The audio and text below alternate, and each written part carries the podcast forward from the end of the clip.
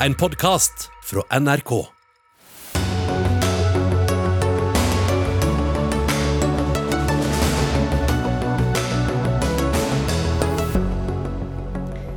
Shinzo Abe drev valgkamp og ble skutt og drept midt i en tale. En tragedie for det japanske demokratiet, ifølge verdens ledere. MDG mener Ola Borten Moe må si unnskyld, for ny rapport sier at Forskningsrådet hadde orden i økonomien, og det var ikke det statsråden sa da han sparka det gamle styret. Ukrainas ambassadør kalte den tyske forbundskansleren for en fornærma kjøttpudding. Nå er han kalt hjem for å bli Ukrainas nye viseutenriksminister. Og ordfører i Hattfjelldal frykter for næringslivet når staten skal verne store skogområder. Slutt å sutre, sier Naturvernforbundet, som vil verne mye mer. Ja, god kveld og velkommen til Dagsnytt 18, som i kveld skal ledes av Lilla Sølhusvik. En tragedie for Japan, sier Joe Biden. Utrolig trist. Ja, det er noen av reaksjonene som har kommet fra store deler av verdens ledere i dag, etter at Japans tidligere statsminister Shinzo Abe ble skutt ned og drept midt i et valgkamparrangement. Drapet skjedde bare to dager før helgens valg til det øverste huset i landets eh, nasjonalforsamling.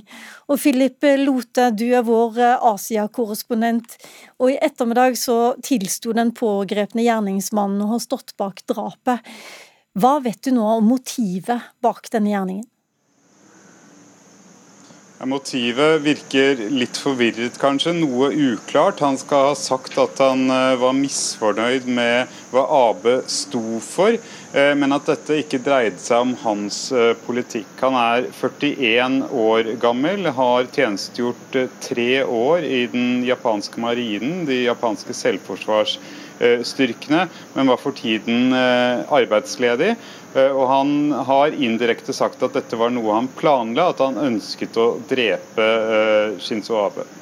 Shinzo Abe er jo en av de mest kjente politikerne, en av de få kanskje som eh, nordmenn har hørt navnet på. Hva gjorde han nå? Ja, nå ledet han uh, den største fraksjonen i det regjerende liberaldemokratiske partiet, så han var fremdeles en størrelse. Han var viktig for så vidt i valgkampen. Og han var også en av de som uh, hjalp fram og pekte på den nåværende statsministeren, uh, Kishida.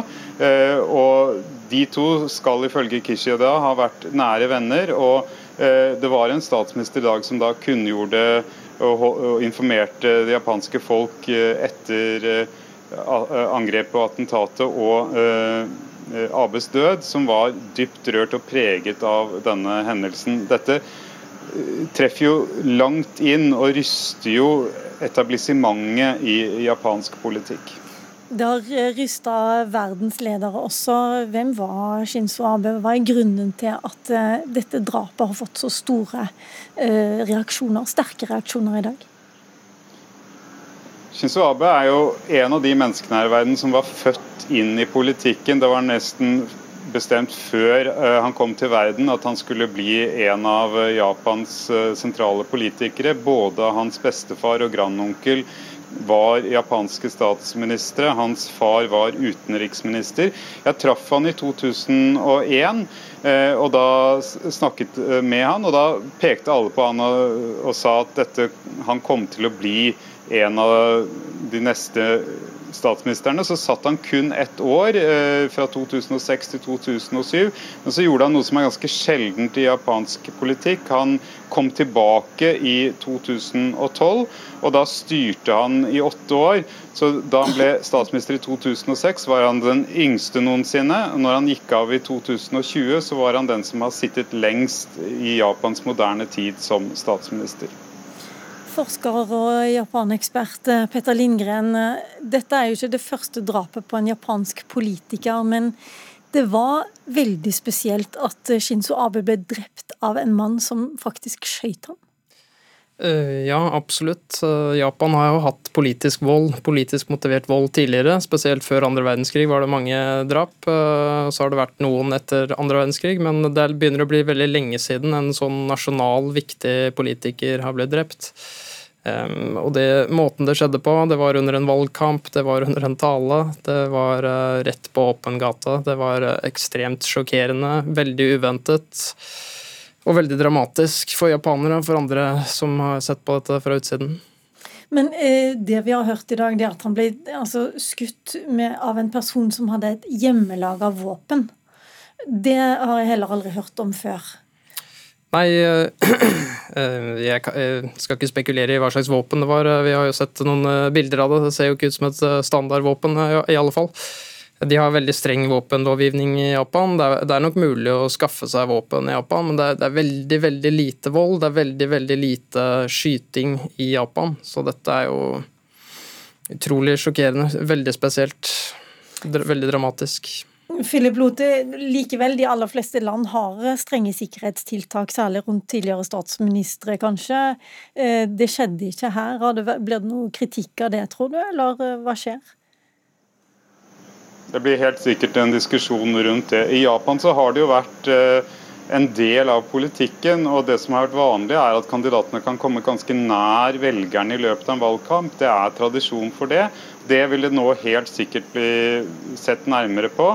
Eh, og så er det ingenting som tyder på at denne personen var på radaren til politiet eller andre som driver etterretning i Japan på noen som helst måte. Det ble gjennomført en razzia i etterkant, eh, og da fant de flere eh, gjenstander som kan minne om hjemmelagde eh, våpen. Og det han brukte, da kunne minne om en eh, slags hjemmelaget eh, hagle. Vi må, jo få denne informasjonen bekreftet, men det skal ha vært to løp. Og det skal ha vært eh, veldig mye røyk da han avfyrte de to skuddene som han, eh, han brukte, da drepte Shinzo Abe. Vi har også med oss Inga Nyhammer, du er Norges ambassadør til Japan. Hvordan reagerer folk i Tokyo i dag? Som vi har vært inne på, så er jo dette en ganske sjokkerende hendelse fordi den er så ekstremt uvanlig. Eh, som Petter Ingren var inne på, så har det forekommet eh, politiske attentater i Japan tidligere også. Men eh, ytterst sjelden, og stort sett for temmelig lenge siden. Så dette er ikke en vanlig del av japansk kultur eh, eh, i dag, eller noe folk på, måte, på noen måte kunne ha vært forberedt på. Japan er også generelt et land med veldig sterke sosiale normer. Eh, veldig liten kriminalitet generelt, og særlig er det lite voldelig kriminalitet. Så eh, selve hendelsen har jo vært veldig sjokkerende for folk. Men eh, samtidig så er det jo også slik at AB selv var en veldig stor skikkelse i japansk samfunn og japansk politikk. Og det preger nok også en del av reaksjonene, i tillegg til selve drapet. En del reaksjoner har også kommet fra norske politikere. Jonas Gahr Støre, Jens Stoltenberg, Nato-sjefen, eh, har reagert i dag. Utenriksministeren Erna Solberg. Kan du si litt om hva eh, Shinzo Abe betydde for eh, Norge? Hvor mye har norske politikere hatt med han å gjøre? Jeg vil si at Abe Shinzo har vært viktig for Norge nettopp pga. sin politiske gjerning. Og det som kanskje først og fremst står igjen etter eh, Abe Shinzo, var jo at han arbeidet veldig målbevisst for å gjøre Japan til et mer normalt land, eh, rent utenrikspolitisk. Tidligere var Japan en økonomisk kjempe, en, en politisk dverg. Det er selvfølgelig bakgrunn i historien, andre verdenskrig osv. Abe gjorde veldig mye for å endre på dette. Eh, både rent sikkerhetspolitisk. Bunnplanken var alliansen med USA, men han gjorde veldig mye for å bygge ut kontaktene også med europeiske land, med eh, internasjonale organisasjoner, eh, FN selvfølgelig, men også Nato. Um, og det har jo gitt mange flere møtepunkter. Og så var det selve politikken som han fremmet. Eh, det var jo han som skapte uttrykket 'free and open Indo-Pacific' som et slags motto for den utenrikspolitikken han prøvde å føre i en tid hvor eh, Kina tok stadig større plass eh, i det internasjonale eh, samfunn. Jeg tror du må fortelle oss også hvorfor du sier Abe Shinzo når alle andre sier Shinzo Abe. Er det, det, det, er rett og slett fordi jeg prøver å følge det som nå er faktisk offisiell japansk politikk, med at de også setter etternavnet først når de snakker med utlendinger, ikke bare når de snakker japansk med seg selv. Akkurat. Vi får følge norsk skikk enn så lenge her i studio. Eh, Petter Lindgren, eh, hva tenker du om de reaksjonene som har kommet i dag?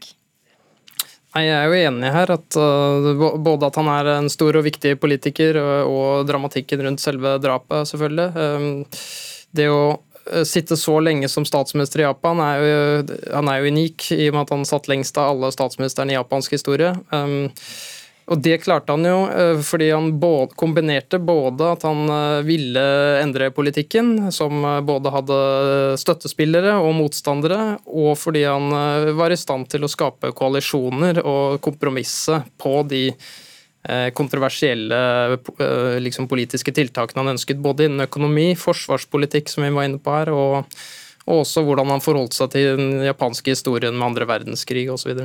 Nå er det valg om eh, to dager, og flere har kommentert i dag at dette er en tragedie for det japanske demokratiet. Tror du det kommer til å bli det? Ja, altså Dette er uh, på en måte et angrep på det japanske samfunnet og det japanske demokratiet. Altså, vi har vært inne på det tidligere. Japanske politikere de er på kampanje tett på folk. Vi i Norge kjenner jo igjen dette at vi ønsker Det er jo et gode. At, eh, at, politikerne våre kan være i gatene og kan eh, møte folk. Så Nå vet vi jo ikke helt hva konsekvensen av dette er for hvordan de forholder seg til liksom, masseoppmøte osv., men eh, dette vil jo skape konsekvenser for det japanske demokratiet. Philip Lote, kan du si noe mer om hva du tror blir konsekvensene? Nå tenker jeg på kort sikt og fram mot valget på søndag. På kort sikt så vil jo dette valget bli gjennomført mest sannsynlig. Det vil jo være ødeleggende også for demokratiet om et valg ikke ble gjennomført. Men uh, som man har vært inne på de andre deltakerne her, så vil jo det kunne få konsekvenser for hvordan man driver valgkamp, hvordan man driver politikk, hvor mye sikkerhet det skal være rundt ledende personer. Uh, og Abe var kanskje den mest profilerte, mest kjente japanske politikeren av alle. Og når det var så lett å komme så tett på han med et angivelig og antagelig hjemmelaget våpen, så ville det helt sikkert sette i gang en ganske eh, intens og stor debatt eh, omkring sikkerhet eh, i Japan. Altså eh, personlig sikkerhet for eh, fremtredende ledere. Tusen takk for at du var med oss, eh, Philip Lote, vår korrespondent i Asia. Tusen takk til deg også, Petter Lindgren, som er forsker og Japan-ekspert. Og ikke minst til deg, Inga Nyhammer, som er Norges ambassadør til Japan.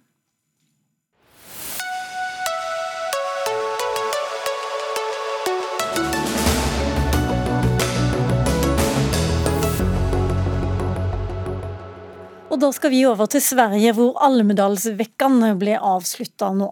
Dette skulle jo ha vært den tradisjonelle samlingen av politikere og organisasjoner, turister og aksjonister som eh, omgikkes hverandre. Det skulle også ha vært en viktig opptak til svenskenes riksdagsvalg, men det var før en av landets mest framtredende psykiatere, Ingmarie eh, Wieselgren, ble knivdrept mellom to av de, de, arrangementene hun skulle delta i. Og Bawar Ismail, du er lederskribent i Göteborgsposten. Nå har vi altså akkurat hørt at Japan skjerper sikkerhetstiltakene i valgkampen. Har drapet på den svenske psykiateren ført til lignende diskusjoner i Sverige? Uh, ja, det er vel så at uh, det finnes politikere som som känner sig oroade efter, efter det som skedde i, i Visby under Almedalsveckan. Jag gick själv runt där och, och, träffade många opinionsbildare och politiker som, som kände en oro.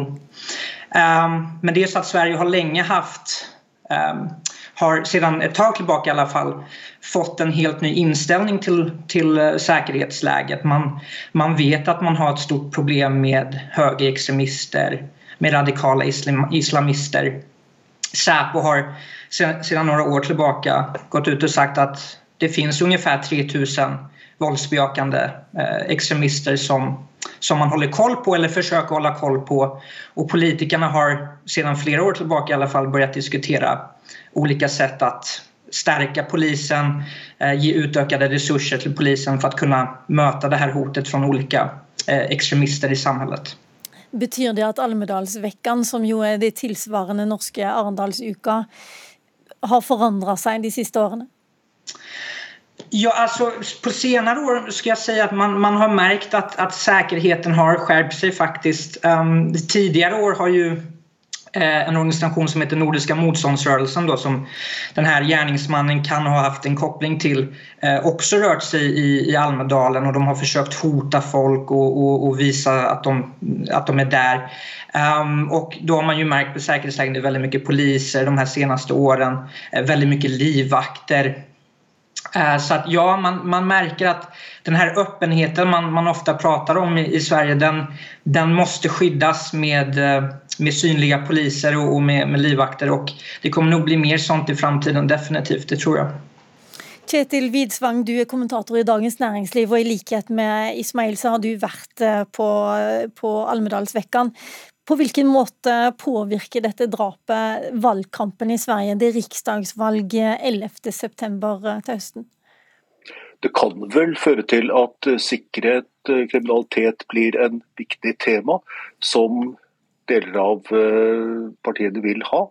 Og Det er en stor kamp om hva som skal definere dette valget, hvilke temaer som skal være viktige. Fordi det er veldig jevnt mellom de to blokkene. Og Hvis dette kommer ut, så vil det sannsynligvis eh, styrke høyresiden. Eh, tror du også det, Bawar Ismail, at dette kan styrke høyresiden? Ja, i, i, i det lengre loppet når vi nærmer oss valet. Eh, kortsiktig så tror jeg nok ändå at, at eh, det her kanskje kommer gynne Socialdemokraterna mer. For att vi, vi ser at svenske folket ofte i, i tider av kriser går bakom regeringen, backar regeringen. Så att vi, vi har sett det med Ukraina-kriget, vi har sett det i tidigare eh, terrorattentat i Sverige.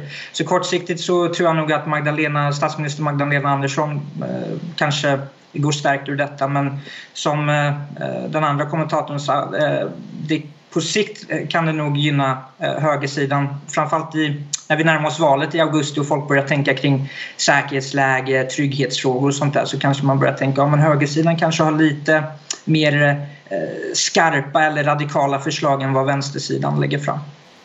Ja, Widsvang, jeg stussa litt over det, fordi at det var jo en mann fra høyresida, en høyreekstremist, altså blir det vel påstått, som, som kan ha stått bak dette drapet? Politiets teori er jo foreløpig at det dreier seg best om psykiatri. Han har uh, vært med i Nordiska motstandsrørelsen, åpenbart. Men uh, det, det, som kommer offisielt fra politiet, er at han uh, siktet på dette mennesket pga. hennes rolle i psykiatri, som han var veldig misfornøyd med, fordi han hadde vært innom behandlingsapparatet ganske mye. Mm. Du har skrevet en kommentar du, i Dagens Næringsliv om at Sverigedemokraterna kan eh, ende opp med å få ganske mye makt etter valget til høsten. Og det var det få som trodde for bare et år siden, da ingen ville ta i Sverigedemokraterna, heller ikke på borgerlig side. Ja, det har skjedd en utvikling der. altså Siden uh, i 2014 så ble det jo avskrevet av de andre partiene som urørbare. Man skulle liksom ikke regne med at de skulle være der. Og så har det skjedd en glidning blant de andre partiene.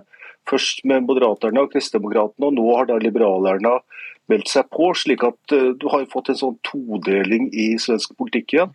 slik at uh, Det vil helt sikkert ikke bli rett lett for disse partiene å samarbeide hvis de vinner valget. Men uh, du har altså fått mer normale tilstander i Sverige, svensk politikk som du ikke har hatt på åtte år. Eh, svenske velgere, hvordan reagerer de på at partiene, særlig på borgerlig side, har, har snudd om på måten de, de snakker om Sverigedemokraterna, Ismail? Eh, velgerne hur, hur väljarna ser på att högern kommer samarbeta med Sverigedemokraterna? Ja. Ja, ja det, det, har inte skett så dramatiska effekter faktiskt.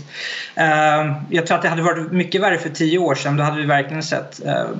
För då, då, då såg man en väljarflykt från från framförallt Moderaterna till, till partier som Centerpartiet eh, när, när Moderaterna först lekte med tanken att nu ska vi kanske samarbeta med Sverigedemokraterna. Men nu eh, när man kollar då bara några månader innan valet så är det ju väldigt, väldigt tajt mellan höger och vänsterblocket alltså och eh, vi ser att eh, partier som tidigare tagit väldigt tydlig ställning mot Sverigedemokraterna Centerpartiet, Miljöpartiet de, är, de sjunker i, i opinionen. Eh, så att jag tror välj, svenska väljare idag de har vant sig vid tanken att Sverigedemokraterna är i riksdagen. Kanske kollar man också ut i samhället och ser att vissa frågor som Sverigedemokraterna har drivit eh, är ju på det sättet som de har beskrivit. Så att det inte är lika dramatiskt som det var för tio år sedan. Og jeg regner ikke med de kommer med i regjering uansett, Widsvang, men du tror de får innflytelse på en del saker. Hvilke da? Budsjett, først og fremst. Altså, de må jo forhandle om å flertall for et budsjett. Så Der vil de åpenbart få en, få en innflytelse. Men igjen, altså, det kommer til å bli vanskelig for de prioriteringene mellom dem og dette liberale sentrumspartiet er stor. På den andre siden det er akkurat den samme problemet, motsetning på venstresiden. Hvor da eventuelt senteren skal, eh, som er tilsvarende Senterpartiet i Norge, skal samarbeide med, med Venstrepartiet, som avstanden er veldig, veldig stor. Hvis vi skal prøve å avrunde Bawar Ismail, så er det jo en trist uke. Det er triste tider. Vi har sett masseskytinger i både Norge og Danmark. Drap i Sverige, og i dag ble Shinzo Abe drept på et politisk arrangement. Eh, regner du med at eh, politikere i valgkamp kommer til å bli mer redde for sin posisjon? Ja, det, det, kan nok være så. Ja. Det, det, har lenge diskuterats i Sverige og jeg kan tenke meg at, det det diskuterats i Norge også. Eh, att hoten mot, mot politiker har ökat med tiden. Det är ju väldigt enkelt också att, att skicka hat och hotmeddelanden på, på internet nu för tiden till politiskt aktiva. Så jag tror nog tyvärr, ja, det finns politiker där ute, framförallt kan jag tänka mig lokalpolitiker som, som inte alls går runt med livvaktsskydd eller, eller eh, andra sorters skydd som kan känna sig rädda. Ja. Men men jag tror på demokratin och jag är ganska så säker på att så länge vi ger polisen de resurser de behöver och de verktyg de behöver så kommer vi kunna hålla koll på de här våldsamma extremisterna. Vi tror på demokratiet. La oss eh, avslutte der. Tusen takk for at du var med oss, eh, Ismail, og tusen takk også til Kjetil Hvitsvang fra Dagens Næringsliv.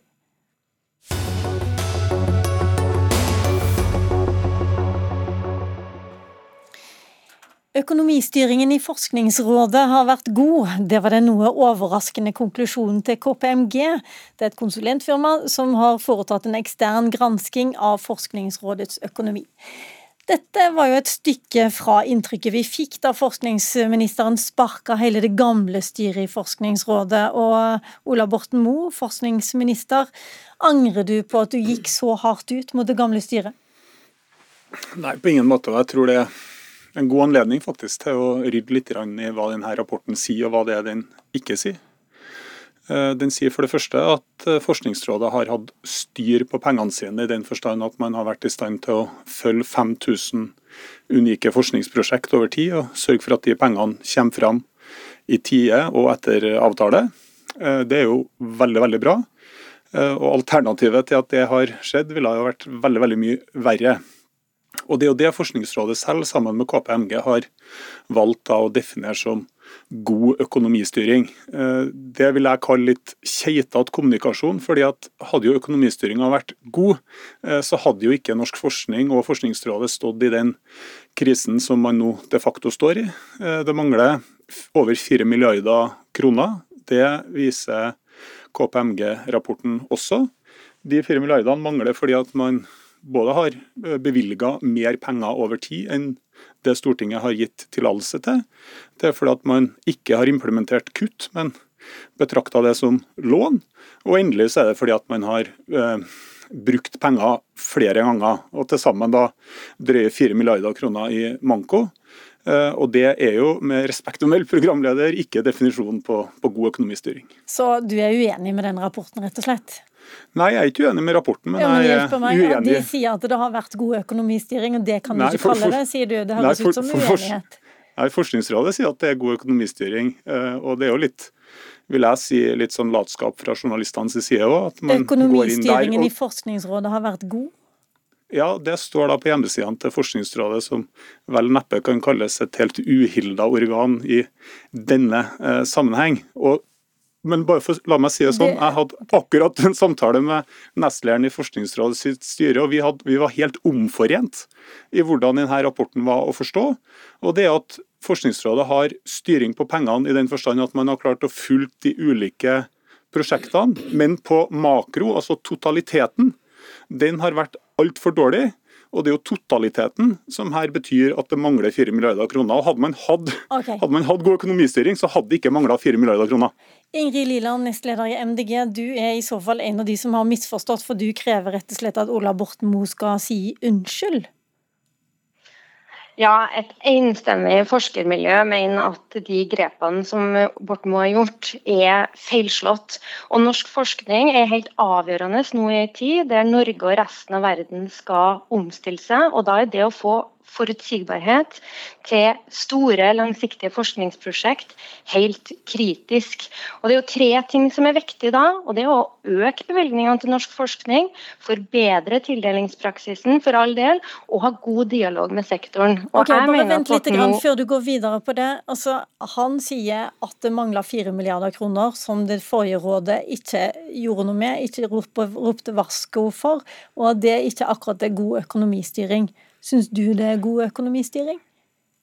Altså når han som øverste ansvarlig for sektoren får den type bekymringsmeldinger, så er det et veldig drastisk grep å ta en offentlig skittentøys, eh, skittentøysvask. Og Det jeg forventer, og det som er vanlig og klokt av ledere å gjøre, er å gå dialog med de underliggende etatene og de miljøene som man har lyst til å forbedre praksisen til, og så finne gode løsninger. I stedet for så har Borten Moe valgt å ta et veldig drastisk grep, som et enstemmig forskermiljø mener er feilslått.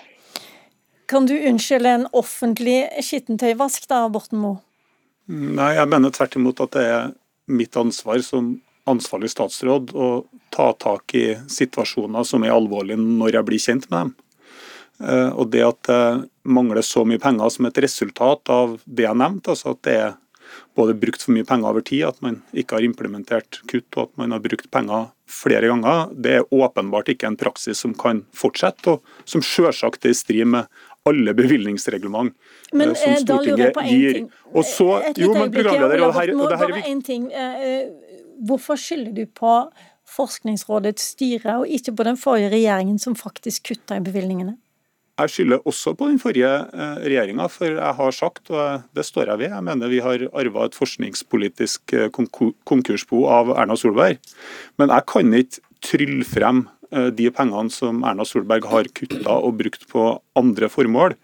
Eh, Hvordan, vi har starta nå jobben med å, rydde opp. og de to viktigste tingene vi har gjort på kort tid, det er for det første å få på plass et styre i Forskningsrådet som er mye tyngre vekta, som har mye bedre kompetanse på det som handler om offentlig budsjettreglement, som handler om budsjetteringspraksis og system, og som handler om etatsstyring. Det er den kompetansen som Forskningsrådet trenger nå for at man skal komme videre. Dernest har vi kvalitetssikra tallene. Det er det den KPMG-rapporten handler om, og som var det viktigste med dem. Og så kan vi nå stole på de tallene som Forskningsrådet har, sånn at vi er omforent om det og kan gå videre. Ja. Og så la vi jo frem i revidert nasjonalbudsjett eh, en del eh, altså både, Vi ga Forskningsrådet fleksibilitet og tid for å prøve å håndtere denne situasjonen på best mulig vis. For at Og jeg det er var vel helt det den, enig det forrige Jo, jeg- rådet også ba om, var det ikke det? Nei, Den store forskjellen programleder, det er jo at det her er jo en praksis som Forskningsrådet har kjørt på egen hånd uten at man har hatt lov til det av Stortinget og av regjeringa. Nå er jo det her formalisert og i orden, og det er jo selvsagt en helt annen sak. Det skal være orden i sysakene i offentlig virksomhet, selvsagt også innenfor forskninga. Så jeg er enig med MDG i at det skal være langsiktige eh, og forutsigbare rammevilkår. Okay. Men det er selvsagt ikke sånn innenfor forskninga heller at man kan bruke penger som man ikke har. Karina Hundhammer, du leder forskningsavdelingen. Du er i Abelia, og du øh, mener også at øh, Ola Borten Moe har grunn til å stusse litt, eller at du har i hvert fall stussa litt over hans øh, ordbruk tidligere i denne saken. Hvorfor det? Nei, Som vi hører, så føler jeg jo at statsråden vil gjøre det klokt i å um, ha kanskje et breiere systemperspektiv for å finne gode for, løsninger for framtida. For det at eh, tallene er eh, kvalitetssikra, men rapporten understøtter understøtter jo egentlig ikke den ensidige strategien med å henge alt på Forskningsrådet. Det viser også tilbake til hans eget departement, som jeg mener har vært med og skapt eh, en del av de utfordringene vi i dag ser. Så det Ok, Da er det litt noen som skylder på den forrige regjeringen, noen skylder på det forrige styret, men du legger skylda på departementet? Jeg sier at et system, vi har en systemutfordring som Borten Moe nå har en gyllen mulighet til å gjøre noe med. Eh, Vi ser at det å finansiere forskning, og som Borten Moe sier òg, det er 5000 prosjekter over flere år som skal finansieres. Det får man ikke til gjennom ettårige prosjekter. Så det er en systemtenkning her i forhold til fleksibiliteten som for øvrig SV pressa gjennom i revidert nasjonalbudsjett. Eh, Så vi fikk den fleksibiliteten gjennom i Stortinget. Men det er en systemsvikt, mener jeg, som må ha en bredere tilnærming enn bare se på den underliggende etaten. Er du villig til å se på en litt bredere tilnærming, Borten? Ja, Det er jo det som nå ligger foran oss. og Bare til historieskrivinga av programleder, så var det sånn at vi fant en god omforent eh, løsning med SV etter at vi hadde sendt et brev til, til komiteen fra departementets side. Eh, Ja. Og jeg er veldig glad for at vi, for at vi jobber godt sammen med SV i, i dette spørsmålet. Men la oss se litt videre da. fordi at Den nye eh, lederen for, eh, altså for styret til Forskningsrådet sier at nå mangler 1,7 milliarder kroner. Og Hvis ikke du finner de pengene, hvis ikke de kommer fra et sted, så kommer dette til å bety alvorlige kutt for norsk forskning. Ja, og Strengt tatt programleder så mangler det 4 milliarder, og så har det nye styret allerede gjennomført kutt og justeringer i budsjetteringa fremover, altså bevilgningsnivået fremover, som med respekt å melde har fått alvorlige konsekvenser for norsk forskning på eh, kortere og på lengre sikt. Blant annet så har man da altså pausa det her store eh, grunnforskningsprogrammet FRIPRO i ett år. Det er uhyre beklagelig. Det understreker at det er forskninga som er nødt til å ta regninga for dårlig økonomistyring fra det gamle, altså både fra Forskningsrådet og fra den gamle regjeringa. Og så skal vi jobbe sammen med både Kristin Halvorsen, det nye styret, eh, sektoren eh, for øvrig og regjeringa for å se på å finne ei så mjuk landing som overhodet mulig. Men heller ikke jeg, programleder, har ei seddelpresse som gjør at jeg bare kan trykke opp penger etter eget forgodtbefinnende. Det er nødt til å finne sin plass i en okay. budsjettprosess og gjennom stortingsvedtak. Ingrid Liland, du er fortsatt med oss nestleder i MDG. Hva betyr det hvis man eh, må kutte ytterligere 1,7 milliarder? Nei, Jeg mener at Det Borten Moe må gjøre nå, er å reversere de kuttene som den forrige regjeringa har gjort. Og så er han nødt til å absolutt forbedre tildelingspraksisen og gå i dialog med sektoren om hva slags ambisjoner og hva slags styringsmål som sektoren trenger, eh, trenger framover. Eh, jeg skjønner at han ikke kom til dekka bord etter åtte år med, med, med Høyre-styre, men han er nødt til å nå innrømme at det grepet han gjorde tidligere i, i vår, det var ekstremt drastisk. Og så er han nødt til å jobbe hardt nå for å gjenopprette tilliten til, tilliten til sektoren og faktisk gå gjennom de systemsviktene eh, som Hundhammer eh, understreker. Karina Hunhammer, eh, jeg leste i dag at rektoren på Universitetet i Oslo han frykter for arbeidsplasser eh, framover, ikke minst for de unge forskerne. Hva, hva tror du blir konsekvensen? Ja, hvis det er sånn som Ola Borten Moe sier nå, at det er forskningsmiljøene som må ta regninga, vi ser jo det blant våre medlemmer allerede, at eh, det er uro i sektoren. Eh, så jeg håper jo at regjeringen sammen med Stortinget finner de engangskuttene på 1,7 milliarder som allerede er uh, bevilga framover i tid. Og det betyr jo hvis det ikke kommer, så vil det gå utover arbeidsplasser i forskningsmiljøene. Og selvfølgelig de unge forskerne uten ansiennitet vil jo selvfølgelig tre dette treffe. Så jeg mener vi må ha et langtidsbudsjett. Det må følge langtidsplanen. Og EU har jo gjort, eh, tatt de grepene. Man kan ikke finansiere forskning ett år av gangen. Man må faktisk langtidsfinansiere forskningen og investere i det. Ellers så stopper omstilling og utvikling av kunnskap i Norge. Kan det være lærdommen her, Borten Moe, at man heretter eh, slutter å bevilge penger fra år til år? For disse forskningsprosjektene går jo over mange år. Jeg tror det er viktig at vi rydder litt i begrepsbruken her. fordi at Hovedproblemet eh, med respekt å melde er jo ikke eh, systemet. Eh, Hovedproblemet er jo at man rett og slett har brukt for mye penger over tid, og mye mer enn det man har hatt. Og det er den KPMG-rapporten Men sier du nå, Ola Borten Jo, men at man burde ha kutta for lenge siden? Nei, det er den mer enn antyder, det er jo at det her har man visst. Og Likevel så har man altså gitt enda mer gass, altså med andre ord gjort problemet enda større framover i tid enn det burde ha vært. Og da skal jeg bare det, skyte inn at Jeg skulle også, veldig gjerne hatt Høyre og den forrige regjeringen til stede her, men de hadde ikke anledning til å komme. Uh, så, så de får komme en annen gang. Som programleder, jo, så er det sånn programleder at vi opererer ikke med ett, vi opererer for så vidt med ettårige budsjetter, men Forskningsrådet har mulighet til overføringer. altså det har mulighet til å ta med deg mindreforbruk ett år over på budsjettet for neste år. så Det er ikke sånn at man stenger budsjettet år for år. Men det jeg er enig i, er at vi er både nødt til å se på det overordna systemet for å gjøre det så godt som overhodet mulig. Jeg er enig i at vi åpenbart også trenger bedre styringssystem for å være helt sikker på at en lignende situasjon ikke oppstår en gang til. Det er en katastrofe for alle involverte. Og så eh, vil jeg bare helt på fallrepet si at min viktigste jobb nå, ved siden av å få på plass det der, det er å sørge for å legge på plass langsiktige, gode rammevilkår for norsk forskning, sånn at vi gjør det som jeg oppfatter at vi alle sammen er enige om, kommer oss videre. Får tilbudt langsiktige rammevilkår for en viktig sektor. Men man må også her, programleder, forholde seg til budsjettene sine, sånn som alle andre. Men altså, du snakker mye om langsiktighet og, og, øh, og god styring, men du, du, vil ikke gjøre noe med måten man, man, budsjetterer på, og du kan ikke jo, love mer penger heller. Jeg sa ikke det. Jeg sa det at vi skal gå inn i en diskusjon på det, men jeg sa at problemet er ikke i hovedsak budsjetteringssystemet. Problemet er at man har styrt for dårlig. Ja, Det har du sagt. Det er vi, okay. nødt, det er vi, det er vi nødt til å rydde opp i. Ja. Eh, Karina Hunhammer. Ja, nei, jeg det, det, er mange saker, og det er komplekst. Men, men jeg tenker at det, det, viktigste for sektoren framover er jo at man bygger litt eh, tillit, sånn som MDG drar fram. Jeg tror måten det er gjort på har skapt veldig mye uro i sektoren, og at man er urolig for hva som skjer framover.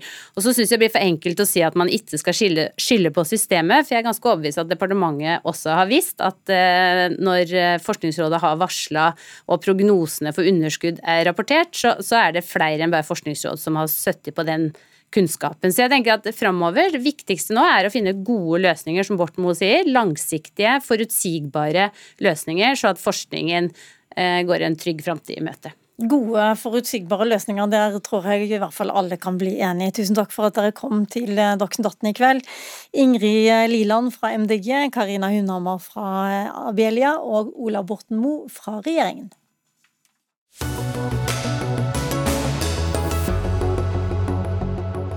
I går måtte altså Boris Johnson trekke seg som statsminister og leder i det konservative partiet. Ukrainas regjering var blant dem som snakka varmest om den rollen Boris Johnson har spilt, og det gjelder selvfølgelig fordi han har vært aktiv under krigen mot Russland. Storbritannia har gitt stor støtte til Ukraina helt siden Russland invaderte i februar, og så sent som nå i juni bestemte Storbritannia at de ville øke militærhjelpen ytterligere. Og NRKs korrespondent Joakim Reigstad, du er nå i Kiev i uh, Ukraina sammen med fotograf Gunnar Bratthammer. Hvor viktig uh, sier folk uh, i Ukraina at Storbritannia har vært? Hva har du fått med deg av reaksjoner? Altså, dette er en stor sak i Ukraina i dag, og var det i går. Mange ukrainere som vi snakker med her, de forteller jo at de er bekymret for hva som er konsekvensen av at Boris Johnson har gått av som statsminister og leder av det konservative partiet, nettopp fordi at hans eh, støtte Han var blant de aller første vestlige statslederne som besøkte Ukraina etter invasjonen i februar, og han har kommet med mange lovnader om våpen og våpenleveranser til Ukraina. slik at her er man usikre på om den politikken vil bli videreført med et nytt regime i, i Storbritannia nå. Men eh, de konservative i eh, Storbritannia sier jo at de kommer til å videreføre dette? Ja, og det er selvfølgelig en, en viss beroligelse i det, men, men, det er klart også det som trekkes fram er personkjemien mellom Boris Johnson og Vladimir Zelenskyj, som har vært veldig god. De har hatt flere møter, og Zelenskyj ringte jo i går ettermiddag til Boris Johnson nettopp for å uttrykke sin skuffelse over at han har gått av, og selvfølgelig også for å få nettopp forsikringer om at partiet holder den samme linjen overfor Ukraina også i de neste månedene som kommer. For det er mange utfordringer Ukraina står overfor i denne krigen, nå også de nærmeste nærmeste månedene. Og En av de utfordringene er bl.a. at Vladimir Putin i går sier at uh, alvoret har ikke starta ennå. Uh, hva betyr det? Ja, Det kan bety eh, mye forskjellig, for å si det slik. Men det er jo mange som nå tror at eh, Donetsk oblas, oblast, altså Donetsk fylke, kommer til å være den neste slagmarken. At det vil være en intensiv kampføring i det området. Og dersom Donetsk skulle falle, så mener mange analytikere at veien vil være kort for Russland da, som vil føle at de har blod på tann, føle at de er på offensiven til å eh, okkupere nye områder, spesielt i sør. Men også hovedstaden Kyiv trekkes fram som et mulig nytt mål. At man vil forsøke på det fra russisk side på nytt igjen. Etter at man led store nederlag her og ble slått tilbake av den ukrainske hæren, så tror man da at med en seier, som Russland da vil kalle det, vil ha blod på tann og prøve på nytt igjen å, å innta hovedstaden Kyiv. Så det er den store frykten her nå. Og da må man anta at eh, kravet eller bønnen om mer våpenhjelp vil komme fra Kyiv? Den eh, kommer, og den kommer hele tiden. Hver eneste gang man snakker med militære eller med eh, politikere, sentrale politikere, så er det den bønnen som kommer. Og Vi vet jo også at mye av grunnen til at eh, kanskje Russland nå har fått et visst overtak i øst, det er at Ukraina rett og slett begynner å gå litt tom for våpen eh, på den fronten, og at de trenger flere våpen for å kunne forsvare seg eller slå tilbake nettopp i det området. Derfor så er det en stadig bønn om flere leveranser. Mange land har jo bidratt, men nå er av disse, mange av disse våpnene brukt opp, slik at man trenger å få tilførsel av nytt materiell for å klare å stå imot ny russisk aggresjon, spesielt da i det som er fokusområdet nå, eh, i øst. Tusen takk, Joakim Reigstad i Ukraina. Vi skal vende oss til Berlin. For mens Storbritannia altså har vært blant Ukrainas beste venner, så har Tyskland hatt et anstrengt forhold til Ukraina gjennom hele krigen. Og det har på ingen måte hjulpet på stemningen at de har hatt en ukrainsk ambassadør som har i fire måneder skjelt og smelt på den tyske regjeringen. Asbjørn Svarstad, du er norsk journalist og har base i Berlin, og du har skrevet om denne ambassadøren for Nettavisen, blant at han kalte den tyske forbundskansleren for en eh, fornærma kjøttpudding. Forklar. Ja, det gjorde han. Det var i forbindelse med at uh, president Steinmeier holdt på å kaste seg på det samme toget som den polske presidenten og de tre fra de baltiske landene som skulle til Kyiv den 16. april. Så fikk han beskjed fra Ukraina om at han ikke var velkommen. Og eh, det var en sånn smekk over fingrene fra ukrainernes side, fordi de mener at han er en av de som har det største ansvaret for at tyskerne til de grader har eh, klart å rote seg inn i russisk eh, spill når det gjelder energileveringer. Og eh, han også var en av de siste som prøvde å kjempe for å få til Nord Stream 2. Det som var, det som skjedde etterpå da, var at uh, Olaf Scholz, kansleren, nektet å reise på besøk til Kyiv. Han satt bare og og gjorde seg lystig over de som reiste for å stille opp til fotografering med president Zelenskyj, som han eh, selv uttrykte det. Eh, men han ville ikke dra selv pga. Eh, den behandlingen ukrainerne hadde gitt den tyske presidenten. Mm, men hvordan er, det, hvordan er, det, med denne ambassadøren? Hva er det han har gjort som har ført til at han ble rikskjendis i, i Tyskland? Ja, I denne forbindelsen så, så, rykket han da ut og kalte Scholz en fornærmet kjøttpudding. Men han, han, dukket opp selvfølgelig noen måneder før krigen begynte i de store debattene om hva som skulle skje med Nord Stream 2, og gikk voldsomt angrep på tyske politikere som prøvde å redde prosjektet. Etter at krigen eh, startet, så kom han nesten daglig på de store debattprogrammene i ulike tyske TV-stasjoner og handlet løs. Eh, ba om hjelp eh, og skjelte ut fordi at han ikke verken fikk støtte eller hjelp. Og, Men så gikk han altså for langt, eh, og i denne uken vel så, så ble det sagt at han eh, måtte trekke tilbake. Og det var pga. støtte til en gammel massemorder og fascist. Ja, han har også måttet be Olof Scholz om unnskyldning for det med den fornærmede kjøttpuddingen. Men i forrige uke så deltok han i en podkast hvor han ble konfrontert med sitt tidligere støtte til den ukrainske noen kaller ham nasjonalhelten Stefan Bandera.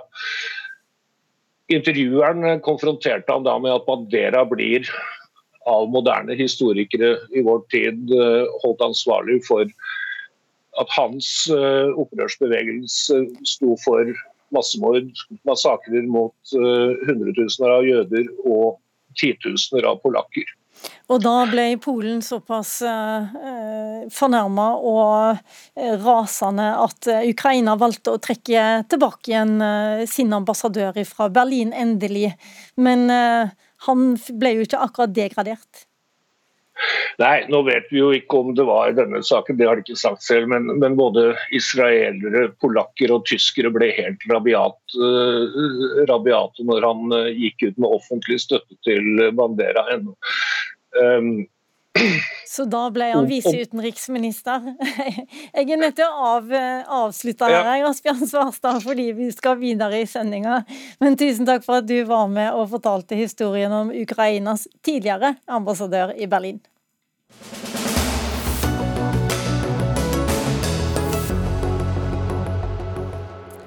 Mens eh, USA gjør det lettere for russere å få visum, gjør Norge det vanskeligere. Eh, siden krigen i Ukraina brøt ut, så har norske myndigheter skjerpa kravene for russere som ønsker å komme til Norge. Det gjør det altså vanskeligere for russere å få asyl og drive aktivisme mot Putin-regimet. Og sju organisasjoner her hjemme i Norge tar til motmæle, bl.a. i Aftenposten. Pål Nesse er generalsekretær i NOAS, og han skal være med oss litt senere. Men eh, vi starter med deg, Erlend Wiborg, stortingsrepresentant og innvandrings- og integreringspolitisk talsperson i Frp. For du syns egentlig at eh, det er greit at vi holder russerne ute akkurat nå?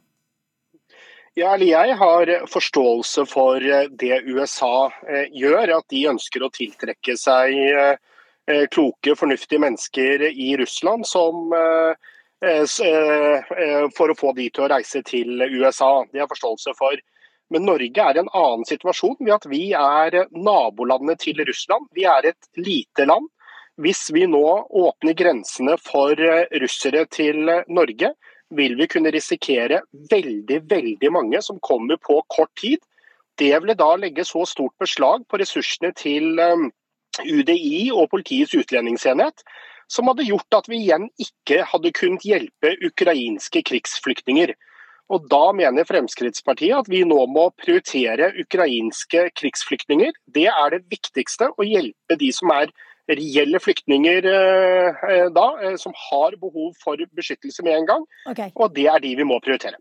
Pål Nesse, generalsekretær i Norsk organisasjon for asylsøkere, NOAS.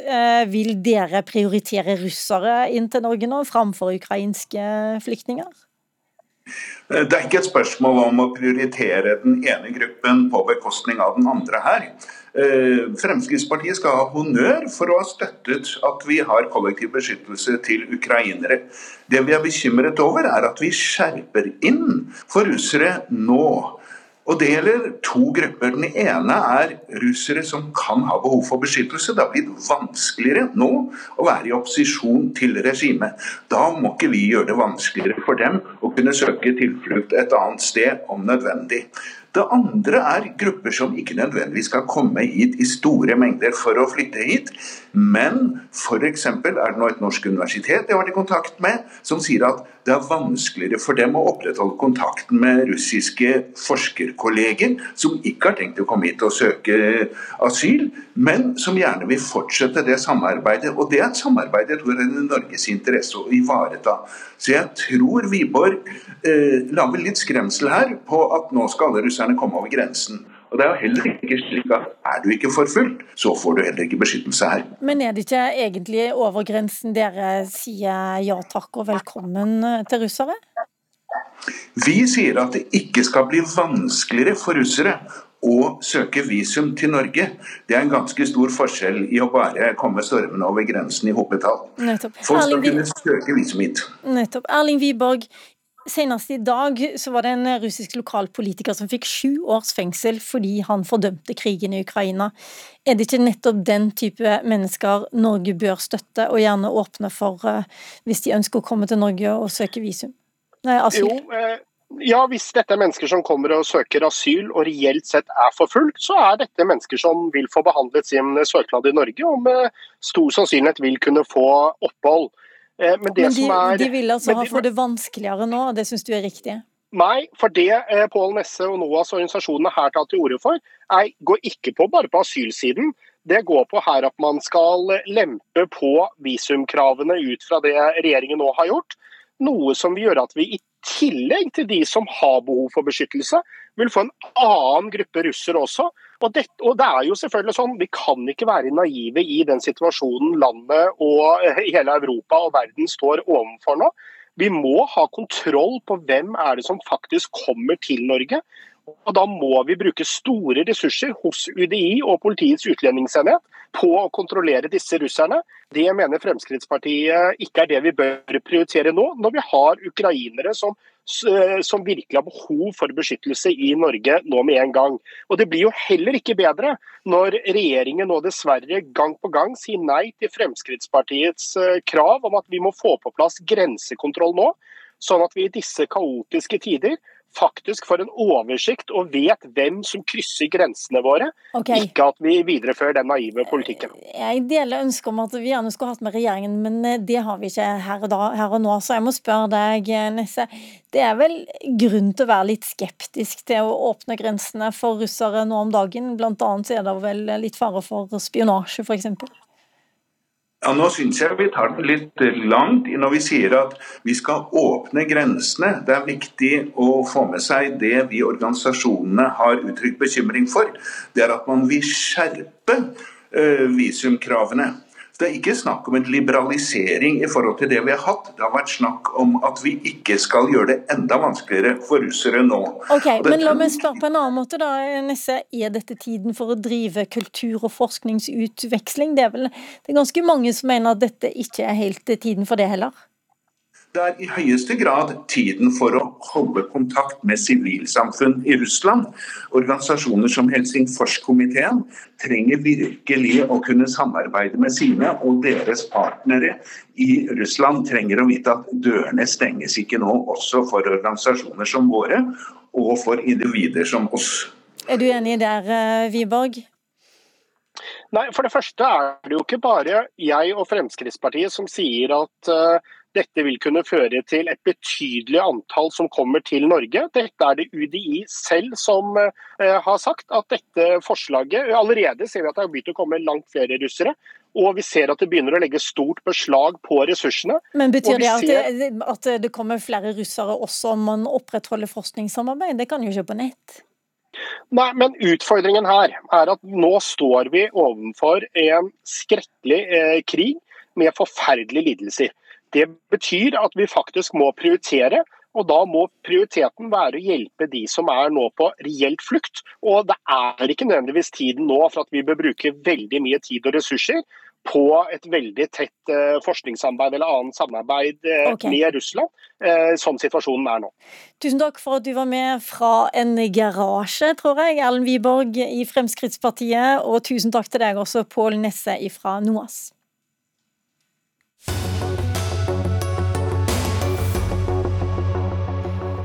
Miljødirektoratet ønsker å verne stadig mer skog. I alt er 19 områder på Helgeland foreslått verna av eh, direktoratet. Mange av områdene befinner seg i Hattfjelldal kommune. Det har fått ordføreren der, Harald Lie, til å reagere. Han mener at verningen av skog går altfor langt, og har store innvirkninger på alt fra lokalt næringsliv til forvaltning av naturressurser. Responsen fra dere i Naturvernforbundet er ganske tøff. Pernille Bonnevie Hansen, du er nestleder der. Du sier at de må slutte å sutre. Slutt å syte, start å skryte, sier jeg. Eh, vi har altså en eh, ordfører her som eh, bor og representerer en kommune med eh, masse flott natur. Jeg har sjøl gått rundt i den naturen i ei ukes tid og passa på sau eh, på utmarksbeite. Eh, de her områdene som nå er foreslått verna, er juveler, hver og en av dem. Og vi vet at vi trenger å verne mer natur og mer skog i Norge framover for å ta vare på naturen i en naturkrise.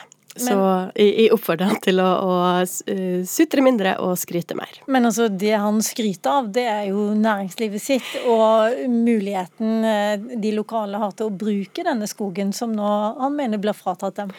Ja, og det er et næringsliv som vi også syns det er grunn til å skryte av. Eh, vi skal selvfølgelig eh, ha eh, fabrikker som, som foredler treverk til noe vi kan bygge med framover, og det blir stadig viktigere, det òg. Men, men, denne fabrikken her kan jo produsere det uten å hogge ned Eh, denne her skogen som det er viktig at vi tar vare på. Eh, F.eks. Så, så vil Statskog eh, hogne ganske masse gran som er planta for 50-60 år siden, i både Trøndelag og i Nordland.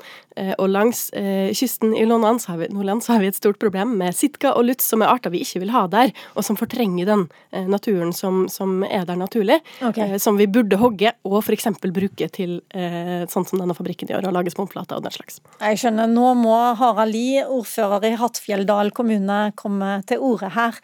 Han, eh, du har allerede fått beskjed om å slutte å sutre. Hva syns du om det? Ja, nei, jeg sutrer jo ikke. Og det er ikke bare jeg som ordfører som eh, er frustrert her. Det er jo et samla Nordland som, eh, som, er frustrert her. I Nordland så er vi stor, veldig stor andel statlig eh, Statskog. Mm. I Hattfjelldal så er 90% av kommunen eid av Statskog. De var kjøpt opp på eh, Hattfjelldal Da statlige delen ble kjøpt opp på, i år 1900 med det formålet at sikre det offentlige disse store fremtidsskoger, der vil være av den største betydning, ikke bare for Herredes, men for hele Nordlands forsyning med trevirke.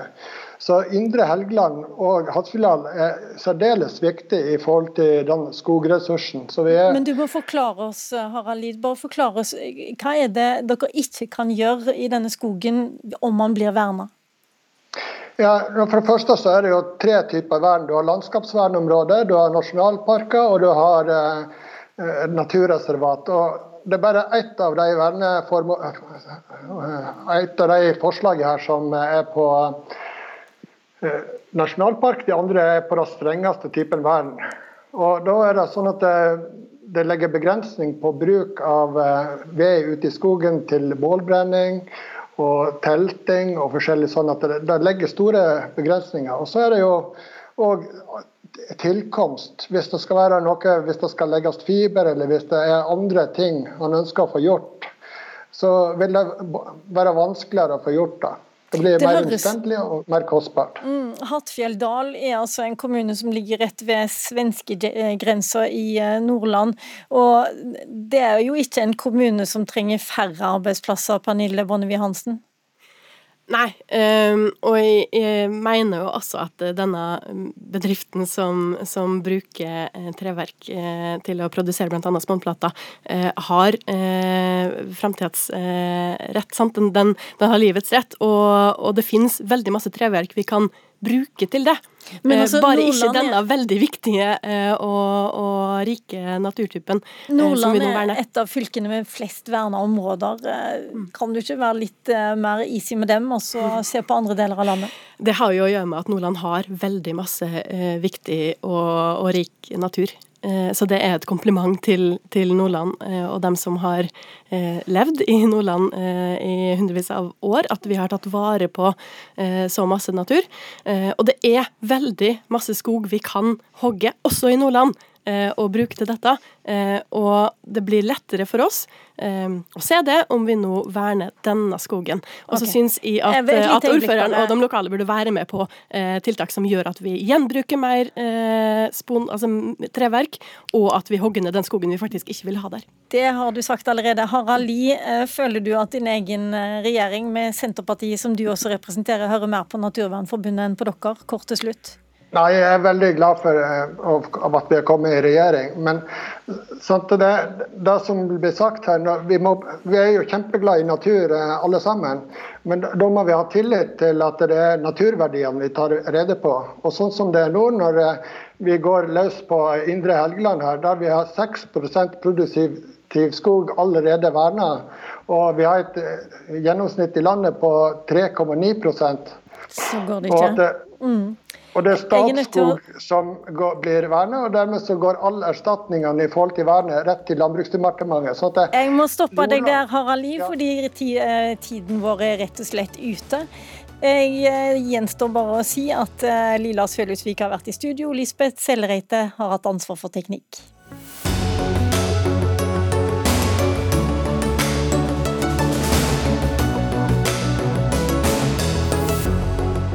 Du har hørt en podkast fra NRK. Hør flere podkaster og din favorittkanal i appen NRK Radio.